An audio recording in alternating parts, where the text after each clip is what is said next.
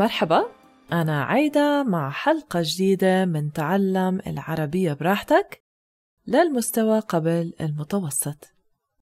بهاي السلسلة راح أحكي عن موضوع مختلف في كل مرة بحيث يتناسب الموضوع مع هذا المستوى وطبعا بسرعة أبطأ من العادي حتى أسهل عليكم فهم المحتوى.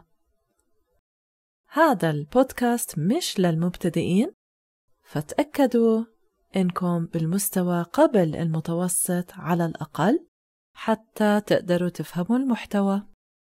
اليوم رح أحكي عن الغذاء أو الطعام. الغذاء هو الإشي اللي الناس والحيوانات بياكلوه حتى يعيشوا. كل كائن حي بيحتاج للطاقة حتى يستمر بالحياة. الطعام منحصل عليه من الحيوانات والنباتات والمخلوقات الحية بتاكل هذا الطعام حتى تحصل على الطاقة والتغذية. الطعام بيحتوي على التغذية أو المكملات الغذائية اللي الناس والحيوانات بيحتاجوها عشان تضل صحتهم كويسة. تناول الطعام هو نشاط بيستمتعوا فيه معظم الناس. الطعام بيحتوي على البروتينات الدهون الكربوهيدرات الفيتامينات المي والمعادن. والسوائل اللي بنستعملها للطاقة وحتى نحصل على التغذية بنسميها مشروبات. الطعام مهم للحياة. حتى نضل بصحة كويسة ونشيطين. لازم نحصل على كمية كافية من الطعام. بس الأطعمة اللي بنتناولها كمان لازم تكون آمنة وغنية بكل المكملات الغذائية اللي جسمنا بيحتاجها.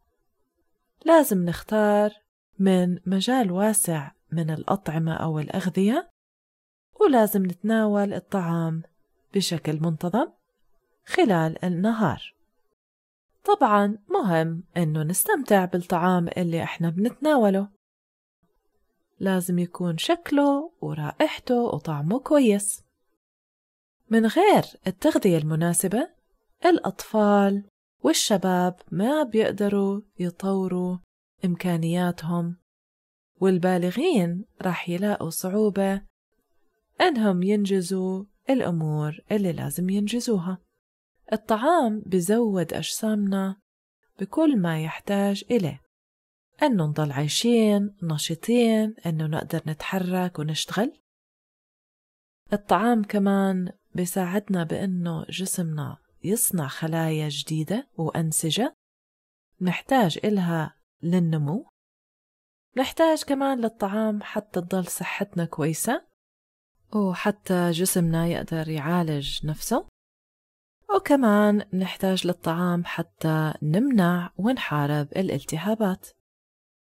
الطعام المناسب للناس بيحتوي على مصادر نباتية وحيوانية. لكن في بعض الناس بيرفضوا أنه يتناولوا الطعام من مصدر حيواني مثل اللحوم البيض والمنتجات اللي مصدرها من الحليب أو اللي بتحتوي على الحليب. الشخص اللي ما بتناول اللحوم بنسميه باللغة العربية نباتي.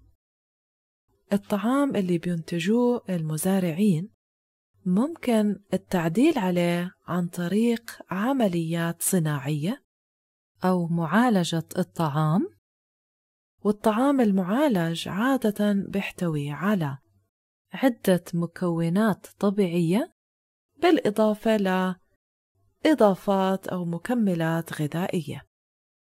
الخبز مثلا يعتبر طعام مصنع. معظم الناس ما بنتجوا الطعام اللي هم بتناولوه. الناس بيشتروا معظم طعامهم بالمحلات أو الأسواق. بس كمان بعض الناس لغاية الآن بيتناولوا معظم أو بعض الطعام اللي هم بينتجوه بأنفسهم. وممكن الناس يشتروا الطعام وياخدوه على البيت حتى يطبخوه أو يشتروا هذا الطعام الجاهز للأكل من كشك أو من مطعم. نقص الطعام شكل مشكلة كبيرة عبر الأزمان. في كتير ناس ما عندهم فلوس كافية بتمكنهم من إنهم يشتروا الطعام اللي بيحتاجوه. الطقس السيء أو مشاكل تانية مثل الحروب أحيانا ممكن تدمر المحاصيل الزراعية في جزء معين من العالم. إذا الناس ما بتناولوا طعام كافي لفترة طويلة من الزمن فهذا الإشي بيؤدي للمرض وممكن كمان يؤدي إلى الوفاة. بالمناطق اللي فيها كتير ناس ما عندهم أكل كافي نطلق على هاي المشكلة اسم مجاعة. الطعام والماء إذا كانوا ملوثين ممكن يؤدوا لانتشار الأمراض. وممكن بعض الناس كمان يعانوا من اضطرابات في الأكل.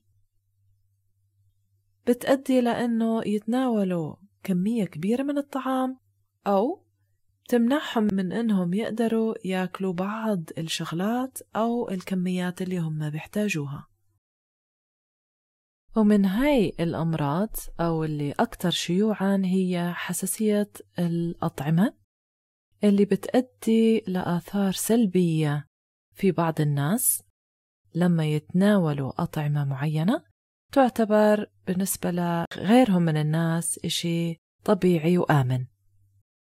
إذا تناولوا الناس كمية زايدة من الطعام زيادة عن اللزوم.